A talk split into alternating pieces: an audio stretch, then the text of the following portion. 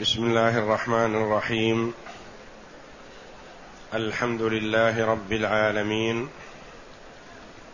والصلاة والسلام على نبينا محمد وعلى آله وصحبه أجمعين. وبعد.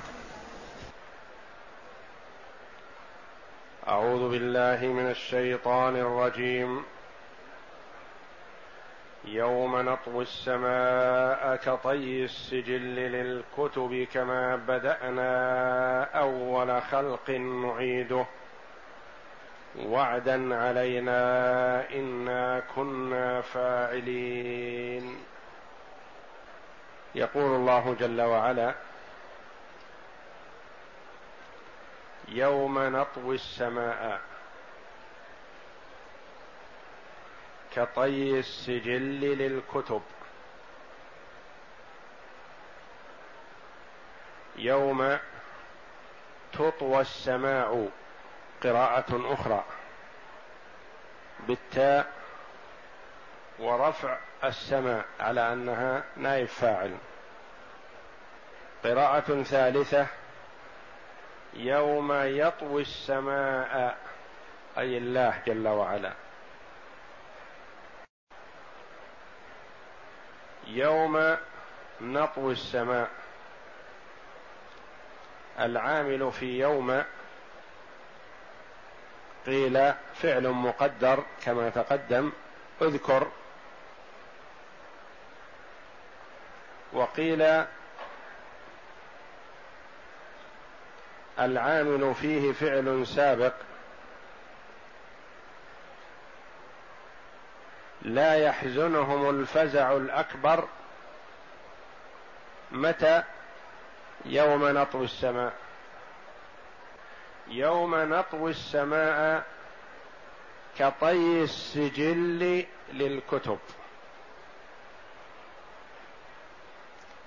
السجل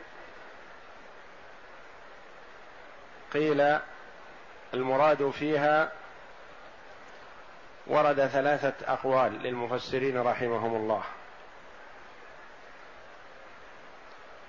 السجل الورق الذي يكتب به. كطي السجل. الورق المكتوب فيه. وقيل المراد السجل ملك من الملائكة في السماء الثالثة.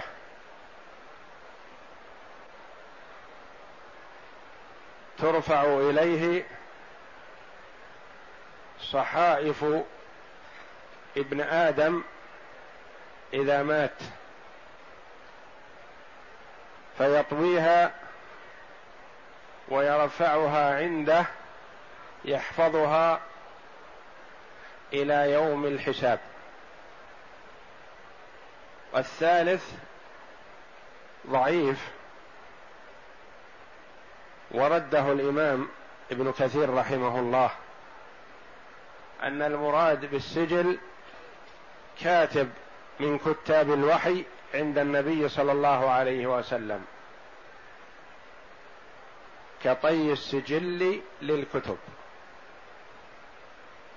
وهذا قول ضعيف ورده جمع من المفسرين رحمهم الله. والمراد أن الله جل وعلا يشبه طيه للسماء كطي الكاتب للورق بين يديه كما قال الله جل وعلا والسماوات مطويات بيمينه. وورد في الحديث أن الله جل وعلا يطوي السماوات السبع ويطوي الأراضين السبع ويجعلها في يده في كفه. وهي كلها بمثابة الخردلة. وورد في الحديث أن الله يطوي السماوات ويجعلها على أصبع ويطوي الأراضين ويجعلها على أصبع وهكذا سائر المخلوقات من بحار وجبال وأشجار وثرى وغير ذلك. وهذا دليل على عظمة الله جل وعلا وسعة قدرته سبحانه وتعالى. إذا كانت السماوات هذه الأجرام العظام والأراضين وما فيها من المخلوقات بمثابة الخردلة في كف الله جل وعلا. يوم نطوي السماء كطي السجل للكتب. الطي ضد النشر. ومعروف الطي والنشر. نشر الشيء فله وإظهاره وطيه إدراج بعضه في بعض. وعلى هذا يكون المعنى اذكر يوم نطوي السماء كطي السجل للكتب يعني المكتوب واللام هذه قالوا بمعنى على. كطي السجل على المكتوب. فتأتي اللام بمعنى على كما في قوله جل وعلا وتله للجبين. يعني على على الجبين. يوم نطوي السماء أو تطوى السماء أو يطوي السماء. كطي السجل للكتب. كطي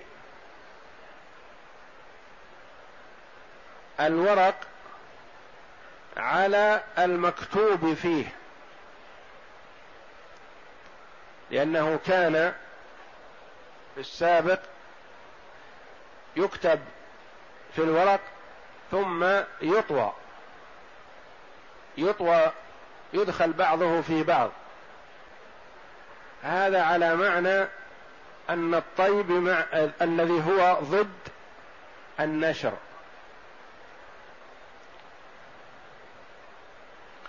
والثاني ورد الطي بمعنى الإخفاء والتعمية والمحو. الطي بمعنى المحو. والتعمية. وذلك أن الله جل وعلا في ذلك اليوم يمحو ويطمس رسوم السماء التي هي النجوم والكواكب التي عليها. يوم نطوي السماء نمحى ما عليها من رسوم وكواكب ويدل عليه قوله جل وعلا إذا الشمس كورت وإذا النجوم انكدرت. ذهبت.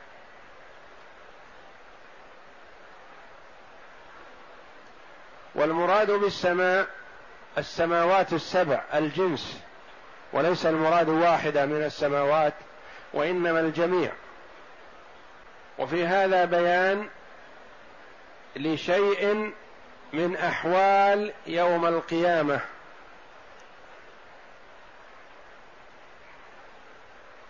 من أجل أن يستعد المرء لهذه الأهوال بالعمل الصالح الذي يقربه من الله جل وعلا. لأن أهوال يوم القيامة عظيمة وشديدة. تذهل الوالدة عن ولدها. وتضع كل ذات حمل حملها. وترى الناس سكارى وما هم بسكارى ولكن عذاب الله شديد. والله جل وعلا يبين شيئا من أحوال يوم القيامة من أجل الاستعداد. والناس في ذلك اليوم متفاوتون تفاوتا عظيما.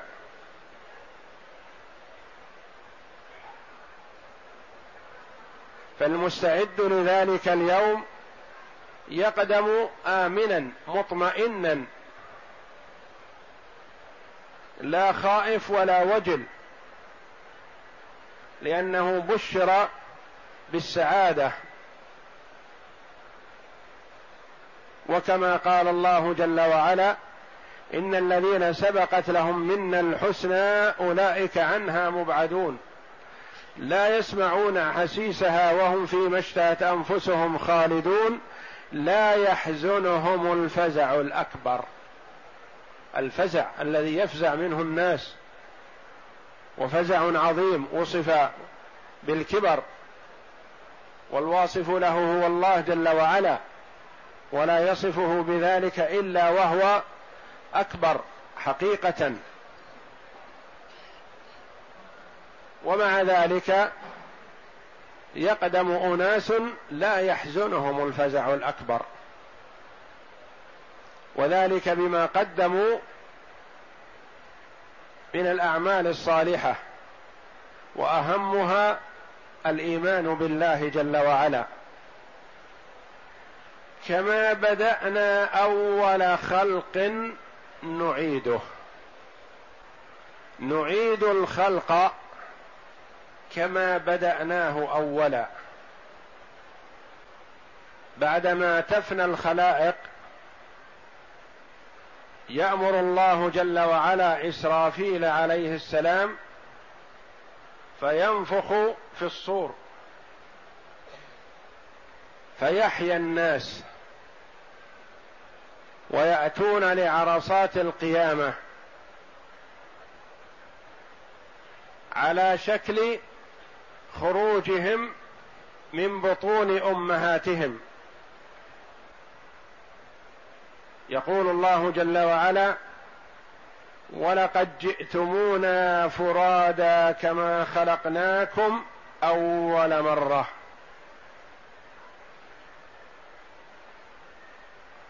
وفي الحديث يحشر الناس حفاة عراة غرلا. حفاة غير منتعلين. عراة لا شيء يسترهم. غرلا بمعنى غير مختونين كما خرجوا من بطون أمهاتهم. كاملين. لم يفقد منه شيء. حتى الجلدة التي تزال عند الختان موجودة. بيان من الله جل وعلا أن الخلق يأتون إليه في ذلك اليوم كما خلقوا. وحينما سمعت عائشة رضي الله عنها هذا الحديث من النبي صلى الله عليه وسلم قالت يا رسول الله الرجال والنساء ينظر بعضهم إلى بعض. قال يا عائشة الأمر أشد من ذلك أو كما قال صلى الله عليه وسلم. يعني ليس الموضوع موضوع نظر ولا أحد ينظر إلى أحد. كما بدأنا أول خلق نعيده. بيان من الله جل وعلا أن الخلق يعودون إليه في ذلك اليوم كما خلقوا. وقرن جل وعلا بين البدء والإعادة حتى لا يتصور الإنسان أن الأمر صعب. يعود كما كان. ليس بصعب لأن القادر على البدء اولا في إيجاد الشيء قادر عليه في الإعادة من باب أولى.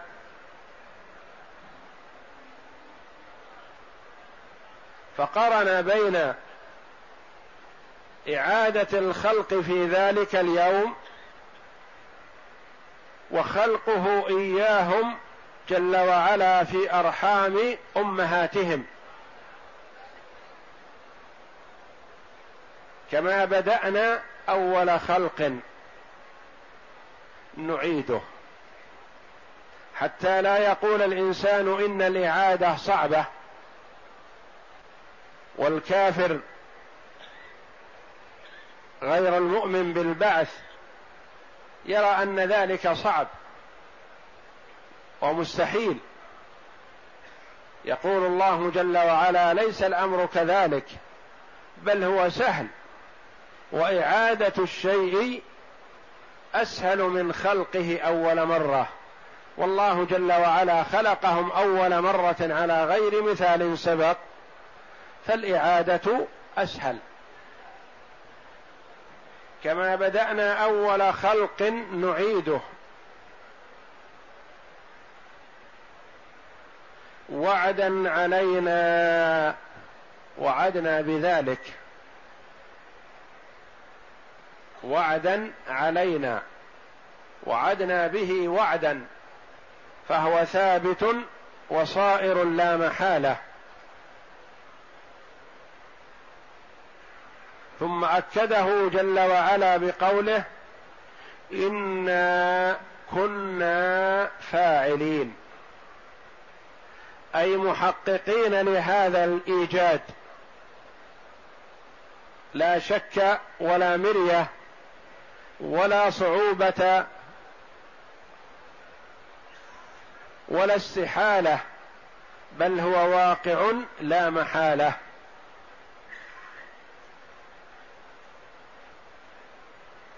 إنا كنا فاعلين موجدين لهذا الشيء وقادرون عليه ليستعد العباد. والموفق يجعل ذلك اليوم نصب عينيه وأنه ليس بينه وبين ذلك اليوم إلا أن يقال مات فلان وإذا مات فقد قامت قيامته. وقدم جل وعلا بين ذكر الإعادة والخلق مرة ثانية قدرته العظيمة في طي السماوات وأن القادر على هذا الشيء العظيم طي السماوات قادر على البعث والنشور. سبحانه وتعالى. وقدم في الآيات السابقة تفاوت الخلق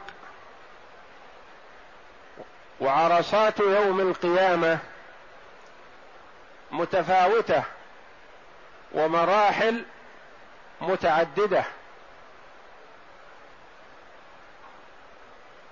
كما ذكر الله جل وعلا ذلك في كتابه العزيز.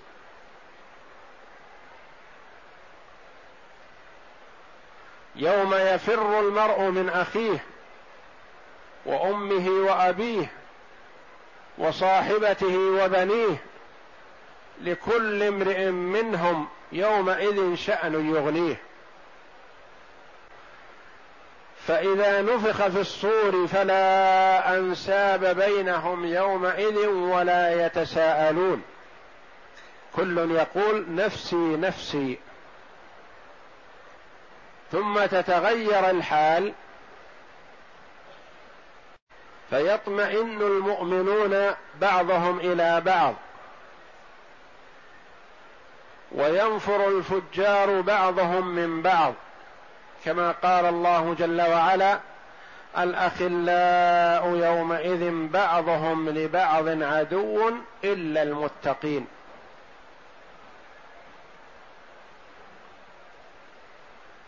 والذين آمنوا واتبعتهم ذريتهم بإيمان ألحقنا بهم ذريتهم وما ألتناهم من عملهم من شيء. كل امرئ بما كسب رهين. فعرصات يوم القيامة فيها تفاوت عظيم. ذهول واستئناس واطمئنان. وفزع. والمؤمن معه الملائكة تطمئنه وتبشره وتستقبله وتهنئه. والكافر والفاجر توبخه الملائكة وتلومه وتعنفه وتشدد عليه في ذلك. وما أمامه أشد من العذاب الأليم والعياذ بالله. فالموفق من استعد لذلك اليوم العظيم. أرجو الله جل وعلا أن يمن علي وعليكم بالعلم النافع والعمل الصالح وأن يجعلنا من الهداة المهتدين. وأن يوفقنا للاستعداد ليوم لقائه. وصلى الله وسلم وبارك على عبده ورسول نبينا محمد وعلى آله وصحبه أجمعين.